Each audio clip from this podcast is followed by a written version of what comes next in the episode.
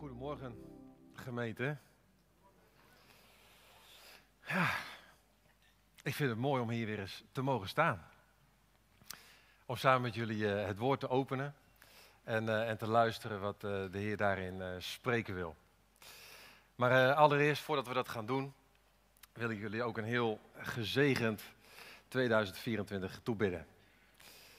En mijn gebed is dat ehm, ja, we die belofte van Jezus mogen ervaren ook komend jaar. Als hij zegt, en zie, ik ben met je alle dagen tot aan de voltooiing van deze wereld. En uh, of je het komende jaar nou over de bergen zal gaan, of dat het door de dalen zal gaan. Maar dat je het ervaren mag, die belofte van Jezus, ik ben met je. Nou, ik wil uh, vanmorgen met jullie de Bijbel open doen bij het Bijbelboek Openbaring. En daar heb ik uh, twee redenen voor. Uh, over twee weken dan start er een serie uh, over de eindtijd. En het leek me mooi om daar alvast op te verbinden. En de tweede reden is dat ik geloof dat ik een heel mooi en bemoedigend woord ontvangen heb. Dat ook echt past bij het komende jaar.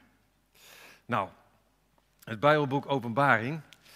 Nu, roept dat doorgaans uh, heel verschillende gedachten of gevoelens op. Nu zou het zo kunnen zijn, als je dat hoort, het Bijbelboek Openbaring, dat je dan meteen op het puntje van je stoel zit. die mensen zijn hier nu onder ons, die denken van, oh ja, ik vind dat een fascinerend boek. Het intrigeert mij en ik kan er eindeloos in studeren. Ik kan er misschien zelfs wel een beetje in verdwijnen. Het maakt me echt blij. Ik kan me ook voorstellen dat er mensen onder ons zijn die denken, ja, het Bijbelboek Openbaring, ja, dat hou ik misschien liever een klein beetje bij mij vandaan. Want is dat niet dat boek dat vol is van dreigende taal, van sombere toekomstscenario's, van plaag op plaag. Een soort van, van draaiboek zo over de laatste jaren van de aarde. En dat je denkt van ja, ik hou het maar een klein beetje bij me vandaan. Ik word er een beetje ongemakkelijk van. Of misschien zeg jij van ja, inderdaad, ik vind het wel een moeilijk boek, hè, het Bijbelboek Openbaring. Eh, en als ik eerlijk ben, dan, dan blader ik graag snel door al die moeilijke dingen heen. En dan kom ik uiteindelijk bij het slot en daar belooft Jezus, ik kom spoedig en ik maak alle dingen nieuw. Ik weet niet precies waar jij zit, maar waar ik zit als het gaat over Bijbelboek Openbaring, ik zit een beetje bij alle drie. Ik vind het echt een heel mooi boek om in te studeren en, en uit te pluizen. En hoe zit het nou? Het fascineert me. Maar ik vind het ook een moeilijk boek. Om het te verstaan, maar ook om ja, al die dingen dan te lezen die voorbij komen, al die dreigingen, al die donkerheid en wat er allemaal gebeuren moet en hoe zit het dan precies. En, en ik vind het ook een hoopvol boek. want het gaat daar naartoe dat die gemeente zegt, kom toch Heer Jezus, maak de dingen nieuw. En dan belooft hij, ja ik kom en ik maak de dingen nieuw. En die tranen die zullen afgewist worden. Dus ja, voor mij, hoe ik er sta, alle drie. Ik vind het mooi, ik vind het moeilijk en ik vind het hoopvol. En, en hoe je hier ook uh, zit en naar dat boek uh, kijkt. Het Bijbelboek zelf geeft een hele mooie, beloftevolle leeswijzer meteen al bij de opening. En laten we daar eens even beginnen. Bij vers 3. Hoe het boek zelf een soort van richting geeft in hoe we het ontvangen mogen. En er staat iets heel moois. Daar staat het volgende: Gelukkig is. Gelukkig is wie dit voorleest. Nou, dit Bijbelboek is bedoeld ook als rondzendbrief voor de eerste gemeente. Eh, en dat werd dan door een voorlezer voorgelezen in de samenkomst. En dan staat daar dus, gelukkig ben je als je het voorleest. Daar zit een belofte op. En gelukkig ben je als je deze profetie hoort en ernaar luistert. die profetie in dit boek, de vader die dan verborgen dingen onthult aan de zoon, die dat dan via een engel geeft aan Johannes. Johannes mag het opschrijven en via Johannes komt het ook weer tot de kerk, ook door de eeuwen heen. En de vader onthult dan dingen over ja, de weg naar de voltooiing van de wereld, de weg naar alle dingen nieuw. Maar er staat er dus, gelukkig ben je als je het voorleest, gelukkig ben je als je het hoort, gelukkig ben je als je ernaar luistert. Dat is de leeswijze van het boek. Niet de somberheid, maar het geluk. Zalig ben je, staat er in oud-Nederlands. Oftewel, er zit een belofte op dit boek dat als we het tot ons nemen, dat het ons voeden mag. Dat het ons zal optillen. Dat het ons zal sterken. Dat het niet is om af te breken, maar om op te bouwen. Dat is de belofte van het boek. Het mag ons dichter bij Jezus brengen. dichter bij het vaderhart van God. En als we er zo mee bezig zijn, ja, dan mag de Heilige Geest daar zo ook doorheen blazen om te doen wat het wil. Nou, vanuit deze mooie belofte wil ik inzoomen ook op het thema van vanmorgen, het geheim van het lied. Over het belang van blijven zingen als kerk. Zoals Jezus ons daartoe aanspoort, ook in dit boek, Het Geheim van het Lied. Nou, en ik wil dus ook twee momenten van aanbidding met je gaan lezen. Een stukje uit Openbaring hoofdstuk 4 en een stukje uit hoofdstuk 5. En we beginnen straks te lezen vanaf vers 8, dus even goed om een korte inleiding te doen. Want waar zitten we ongeveer? Nou, Johannes heeft dus openbaring ontvangen. Hij mag verborgen dingen zien door een visioen. En wij kijken eigenlijk met hem mee over zijn schouder door een geopende deur in de hemelse troonzaal. En Johannes die ziet daar allereerst een troon. En zo wordt het hier beschreven, daarop zit iemand. En het wordt dan omschreven vol van die majesteit en die glorie die daar is. En als Johannes dan zo in die troonzaal kijkt en hij kijkt naar die troon, daar is ook een, regenboog, er is van alles te zien. Een regenboog om die troon en er zijn nog 24 andere tronen. En daarop zitten oudste in witte kleren met kronen. En er gaan bliksemschichten en donderslagen uit van die troon. Er is een glazen zee voor die troon, er zijn vurige fakkels. Er zijn ook nog vier wezens die eruit zien als dieren. We hebben nog vleugels, overal ogen. Je komt daar echt ogen en oren tekort als je alles wil zien wat daar gebeurt in de hemelse troonzaal. Nou, er is er zoveel glorie en zoveel schittering en zoveel heerlijkheid. En dan gaat het mij nu om, en daar wil ik aandacht voor vragen, de respons. Wat er dan gebeurt. Openbaring 4 vanaf vers 8, de respons bij het zien van de troon en al die dingen meer. Elk van de vier wezens had zes vleugels, met overal ogen langs de randen en aan de binnenkant. En dag en nacht herhalen ze: Heilig, heilig, heilig is God, de Heer, de Almachtige, die was, die is en die komt. En telkens als deze wezens lof, eer en dank brengen aan degene die op de troon zit en die tot in eeuwigheid leeft, dan werpen de 24 oudsten zich neer voor hem die op de troon zit en aanbidden hem die leeft tot in eeuwigheid. En ze leggen hun kransen voor zijn troon met de woorden: U komen alle lof, eer en macht toe, Heer onze God. Want u hebt alles geschapen. Uw wil is de oorsprong van alles wat is. De respons is het lied. En dan mag Johannes nog meer zien. Dan ziet hij dat degene op de troon een boekrol in handen heeft. Ook beeld van het ontvouwen van de geschiedenis. Naar het moment van alle dingen nieuw. En dan, dan lijkt het alsof niemand het verdient om die boekrol te openen. En Johannes wordt daar verdrietig van. En dan is er toch een stem die zegt van, hé, hey, treur niet. Want er is een leeuw van Juda. Er is een telg van David. Er is een lam. Er is Jezus. En hij is het waard. En dan gaan we weer kijken naar de respons op wat er dan gebeurt vanaf vers 7 in hoofdstuk 5. Het lam, het ging naar degene die op de troon zat en ontving de boekrol uit zijn rechterhand. En op hetzelfde moment wierpen de vier wezens en de 24 oudsten zich voor het lam neer. En ieder van hen had een lier en een gouden schaal vol wierook. Dat zijn de gebeden van de heiligen.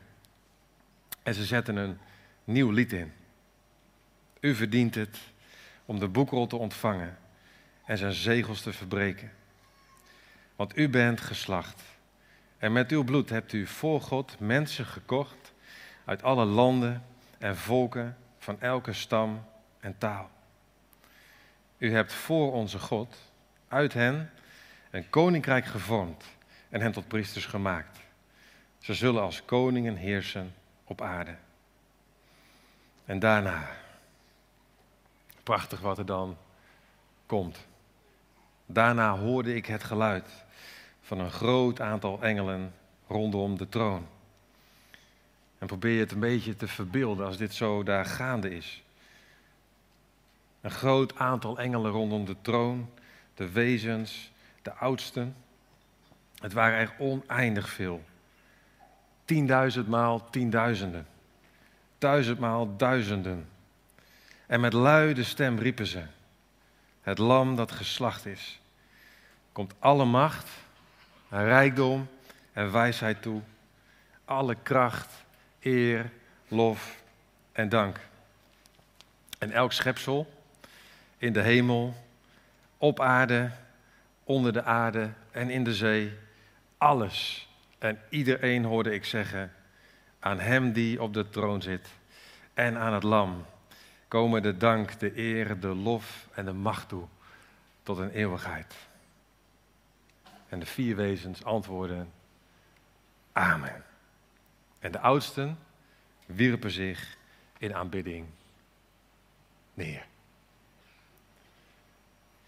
Twee schitterende momenten van aanbidding. Zo in dit Bijbelboek Openbaring. En ik vind het echt hemelse hoofdstukken. Uh, om zo te mogen kijken in die hemelse troonzaal. En wat mij dan zo opvalt is die respons van wat er gebeurt in de hemel. Als dan God bij de troon gezien wordt en het lam bij de troon, dan is de respons een lied.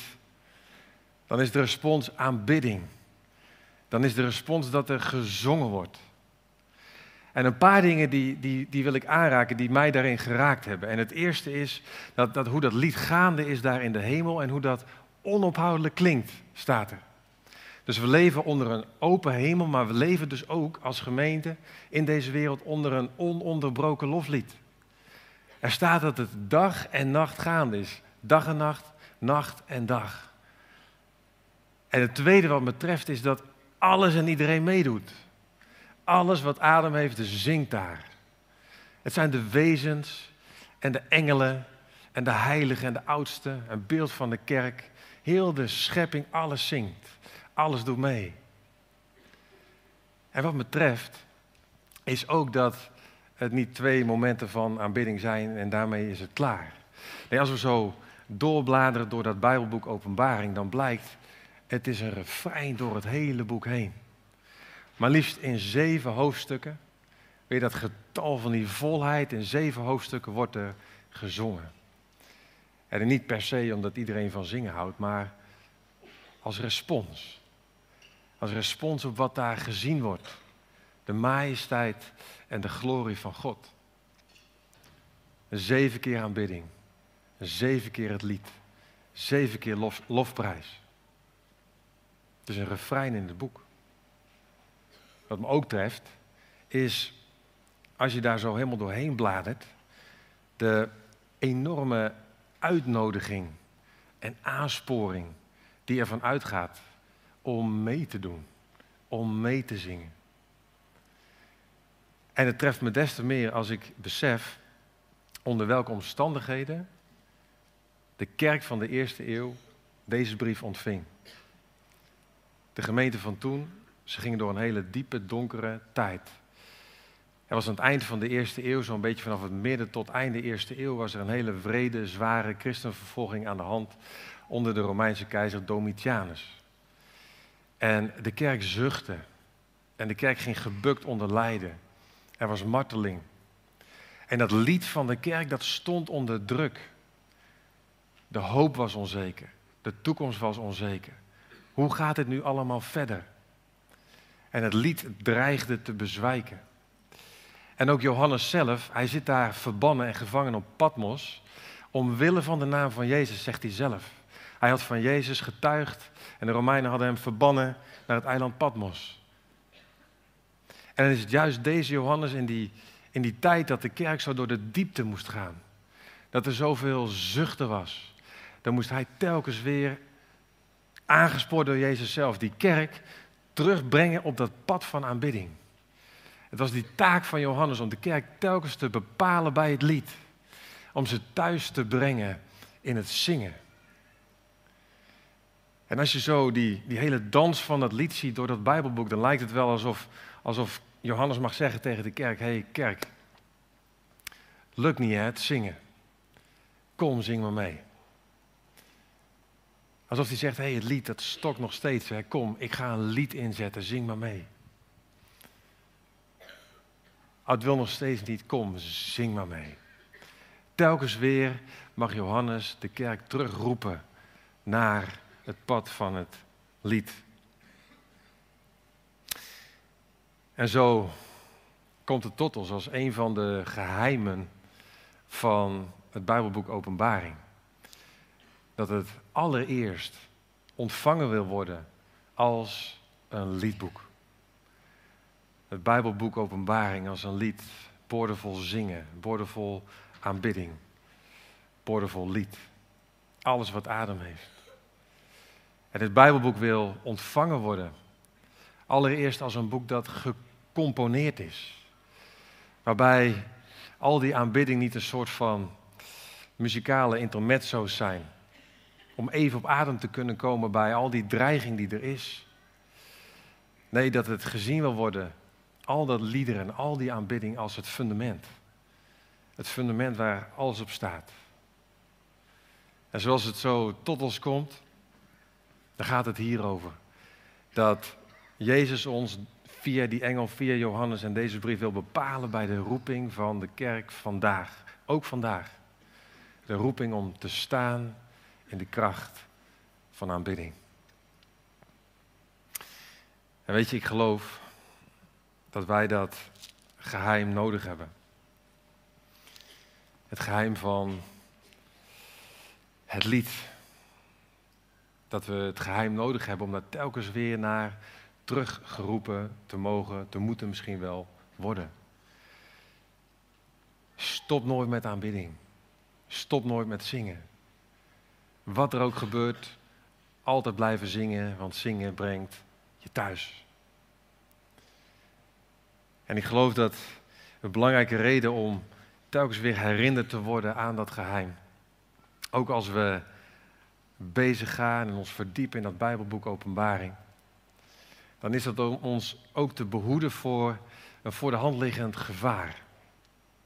Namelijk dat als we zo met dat Bijbelboek bezig zijn, dat we zomaar kunnen benaderen als een draaiboek. Dat we zo kunnen opgaan in de volgorde van de dingen die moeten gebeuren.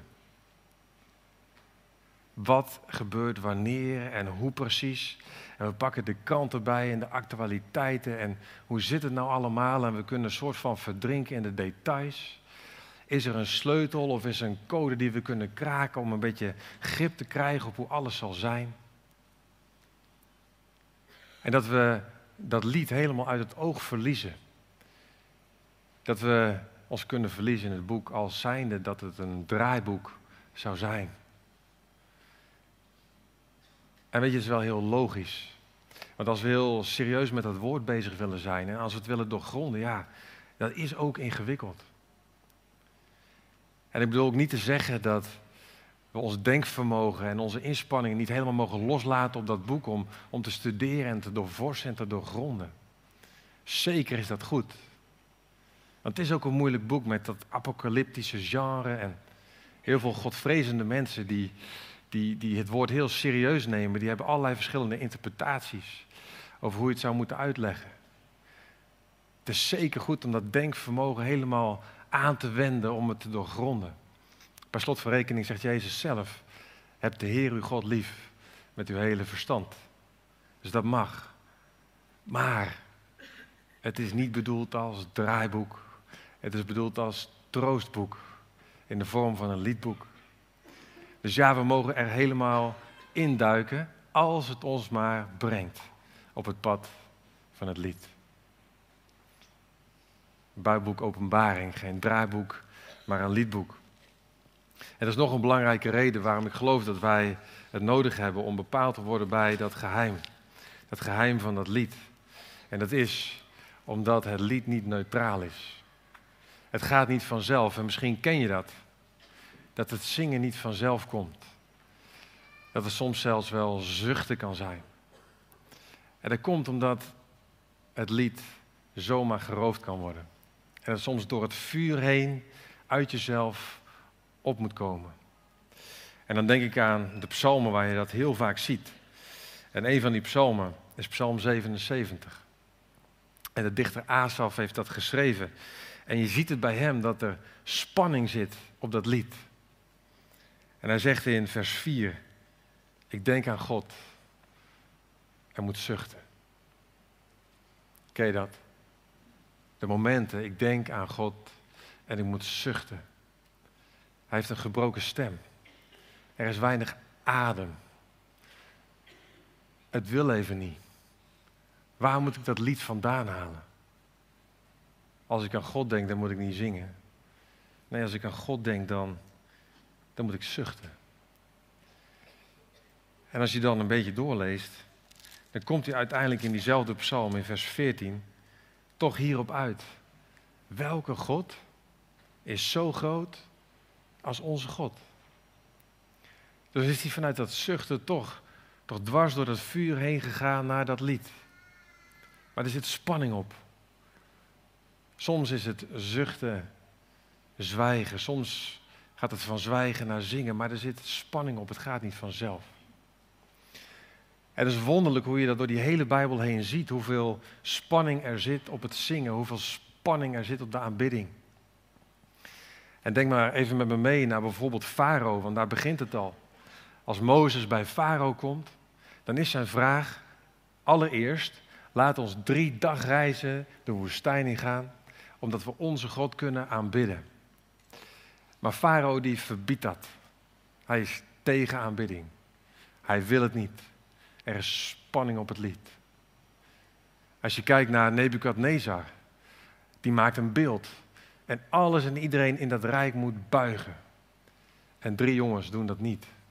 En ze worden ontboden en ze weigeren pertinent om te buigen. Er is strijd op het lied, strijd op de aanbidding. En ze worden in de oven geworpen. En God redt hen eruit. Maar er zit spanning rondom aanbidding.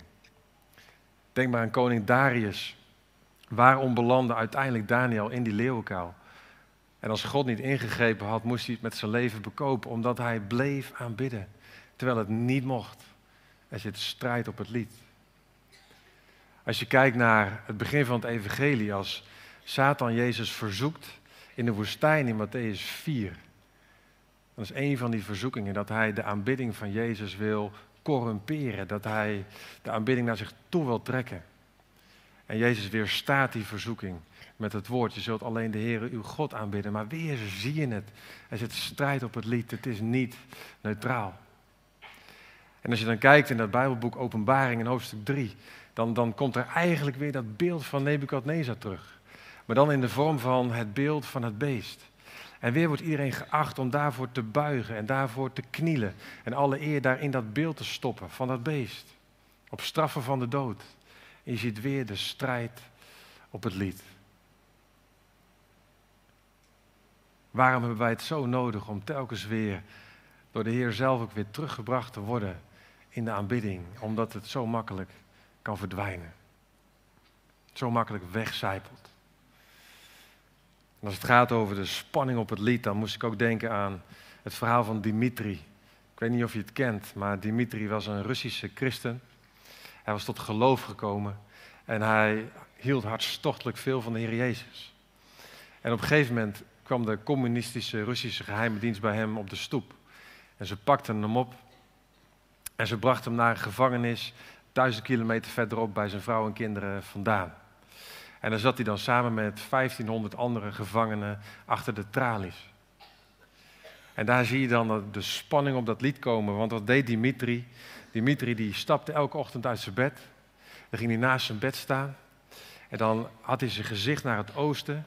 En dan begon hij te zingen. Een loflied voor God. Elke dag opnieuw. Geen dag uitgezonderd. 17 jaar lang zong hij elke ochtend voor zijn God. Maar de medegevangenen, die andere 1499, die beschimpten hem en ze bespotten hem. En ze wierpen vaak vuil uit hun cellen naar Dimitri toe. En ze maakten hem belachelijk omdat hij zong voor zijn God. Maar hij bleef zingen. En toen na 17 jaar, toen werd hij op een dag uit zijn cel gehaald. En toen werd hij zo meegenomen door de, de gangen van het gevangeniscomplex naar de binnenplaats. En toen wisten de andere gevangenen ook hoe laat het was.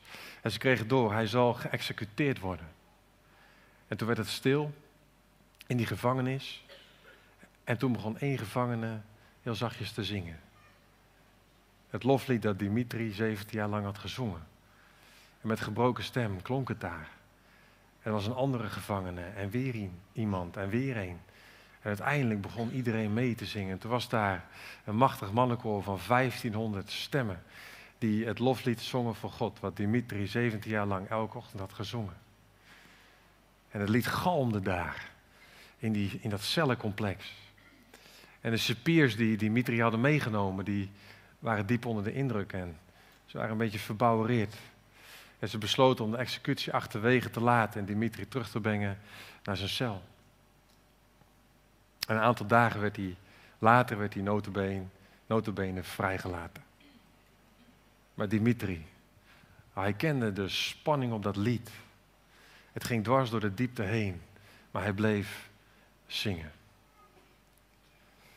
Hé, hoe is dat voor ons? Hoe zit het met ons lied? Zo op de drempel van 2024. We weten niet precies wat het gaat brengen. Voor ons als gemeente, de wereld waarin we leven, maar ook voor ieder van ons persoonlijk.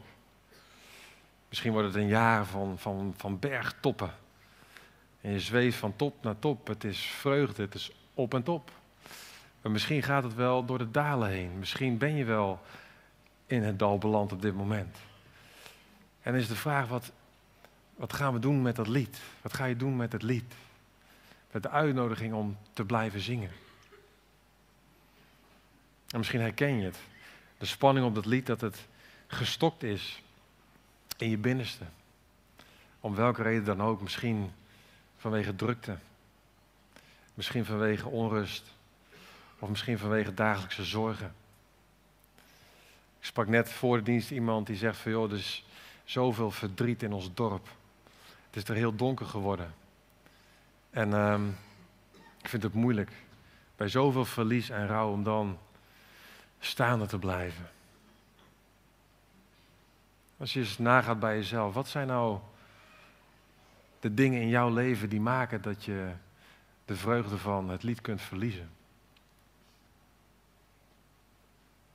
Herken je dat die plek waar Asaf dan is? Ik denk aan God en ik moet zuchten. En wat kan het dan fijn zijn om, om meegenomen te worden? Om opgetild te worden? En als je die plek kent van de moeite van dat zingen, dan ben je in goed gezelschap. De eerste christenen, die kenden het. Christenen door de eeuwen heen, die kenden het. En kijk maar eens om je heen. De mensen om je heen, ze kennen het. Ik ken het zelf ook. De afgelopen maanden, ik heb het zo vaak nodig gehad om zelf opgetild te worden in het lied. En zoals dat moment bijvoorbeeld bij de Christmas Urban Walk. Ik had mijn neefje van twee uh, op mijn arm. Heel veel mensen dachten dat uh, Harmke en ik weer een kleine hadden gekregen. ik zei, ja, wordt volgende week opgedragen, zei ik. Ik zei, nee, dat is mijn neefje. Oh, dat is mijn neefje, goed. Maar zo'n mooi ventje van twee en ik stond daar met dat ventje op mijn arm zo tegen een pilaar geleund. Naar dat schitterende koor te kijken in de A-kerk. Wie was daarbij? Prachtig toch? Weet dan 10.000 mensen hebben daarvan genoten. En ik stond daar en het ontroerde me diep. De intensiteit van zingen. De schoonheid van het lied en hoe er uit volle borst meegedaan werd. En ik kon niet anders dan meezingen. En ehm, ik zat op een kwetsbaar moment daar en op een gegeven moment was dat lied afgelopen. En toen is een van die uh, koorleden, Willem, die, die zag mij, die kwam naar me toe. En we maakten een praatje en ik zei, uh, Willem, ik zei, ik had dit nodig man. Om opgetild te worden door het lied. Wat is dit kostbaar. En uh, dank je wel dat je, dat je zingt. Ik kon niet anders dan mee. En uh, Willem is een mooie kerel. En die zegt, nou, daar doen we het voor. en misschien ken je die plek. Dat je het nodig hebt, dat je, dat je opgetild wordt, dat je meegenomen wordt. Nou, en als je dan dat plaatje hebt van dat schitterende koor daar in die A-kerk. Dat is een soort van klein glimpje van wat daar ononderbroken op dit moment gaande is in die hemelse troonzaal. Een eindeloos koor wat niet anders kan dan zingen. En ze zingen een gaaf lied. Het is helemaal heel. Het is heilig, heilig, heilig. Het is waardig, waardig, waardig. En de uitnodiging van morgen is eigenlijk heel eenvoudig. Zoals Jezus het ons zo via Johannes naar ons toe brengt. Zing je mee. Zing je mee. Wil je laten optillen en meenemen in dat gave lied wat gaande is. En misschien is het met een gebroken stem. Misschien is het met een snik. Misschien is het met een zucht. Misschien is het een stil lied. Misschien zeg je, jongen, Theo, ik kan helemaal niet zingen. Ik heb er helemaal geen lucht en geen adem voor. Nou, laat dan voor je zingen. Ga er dan maar gewoon bij staan. Zoals ik stond, leunend tegen die pilaar. En ik meegenomen werd in dat lied.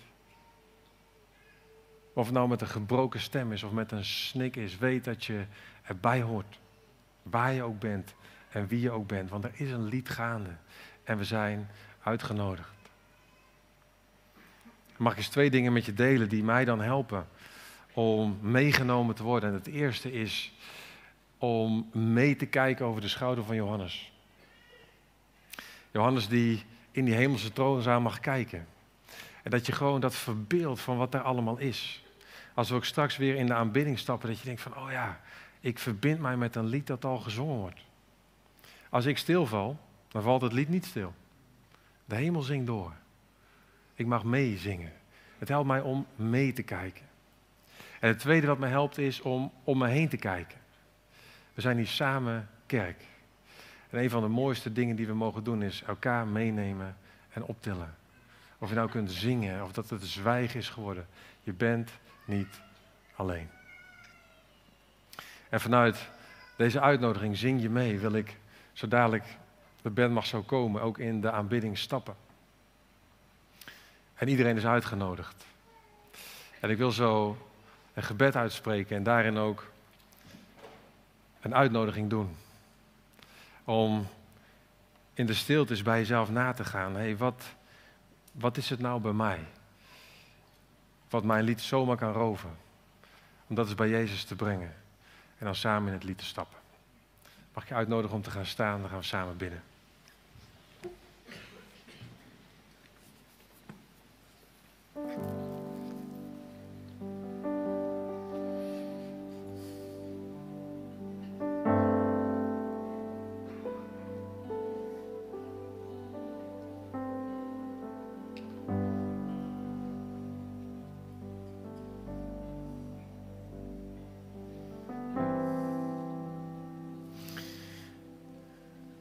Heer Jezus, dank u wel dat we zoals gemeente deze morgen mogen samenkomen. Rondom het lied, rondom uw woord. Heer Jezus, dank u wel dat u ons perspectief geeft op wat er gaande is in die geestelijke werkelijkheid die wij niet met natuurlijke ogen kunnen zien.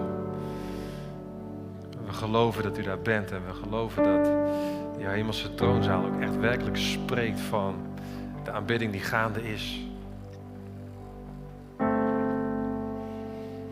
En Heer, wij kunnen ons zo herkennen ook in de situatie ook van de kerk in de eerste eeuw. Als er in die wereld zoveel dreiging is, als er zoveel donker is, als er zoveel zucht is.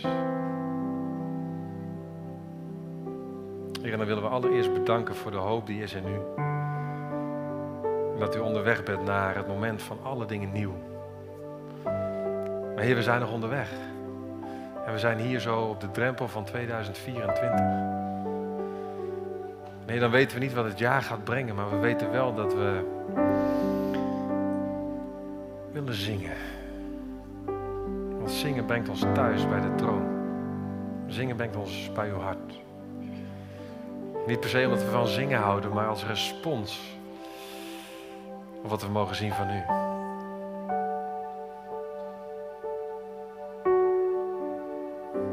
En we willen zo graag met een lied op de lip ook het komende jaar in. Maar Heer, we weten ook door heel die Bijbel heen, er zit spanning op dat lied.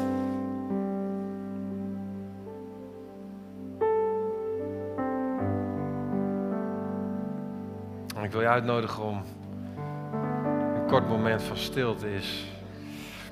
Dat met Jezus te delen als je dat wilt. dat voor jou is, waar de spanning op het lied bij jou over gaat. En om daarin uit te nodigen.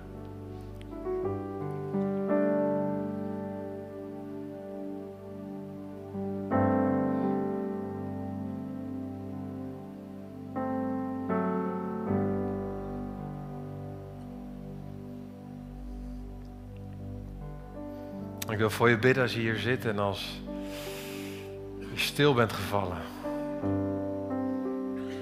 Dat het lied uit je leven is gelopen. Super begrijpelijk. Er is zoveel gebeurd. Dat je misschien heimwee hebt naar het zingen zoals je deed, maar het lukt niet meer. Dan wil ik eigenlijk tegen je zeggen, het is goed. Je bent niet alleen. En de oproep is niet uh, sta op en doe het. De oproep zal zijn ontspan en laat je meenemen. Laat je maar ophalen. Laat je maar aanraken. Je hoeft even niks. Het lied is al gaande. En je mag meedoen. Ook zonder woorden. Ik wil voor je bidden als, als je aan het zuchten bent. Als het gewoon zwaar is. Dan wil ik ook het zuchtend zingen vrijzetten. Dat het oké is als het met een snik is of een gebroken stem.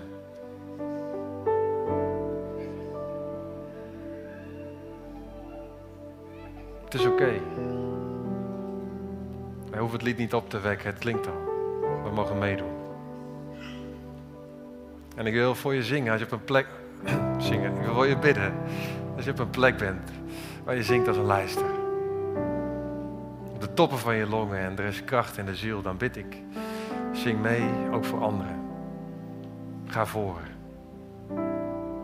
Maar zo willen we in de aanbidding stappen, Heer Jezus. Op de drempel van 2024. Neem ons mee. Laat ons een zingende gemeente zijn, ook als een getuigenis van hoop. In Jezus' naam.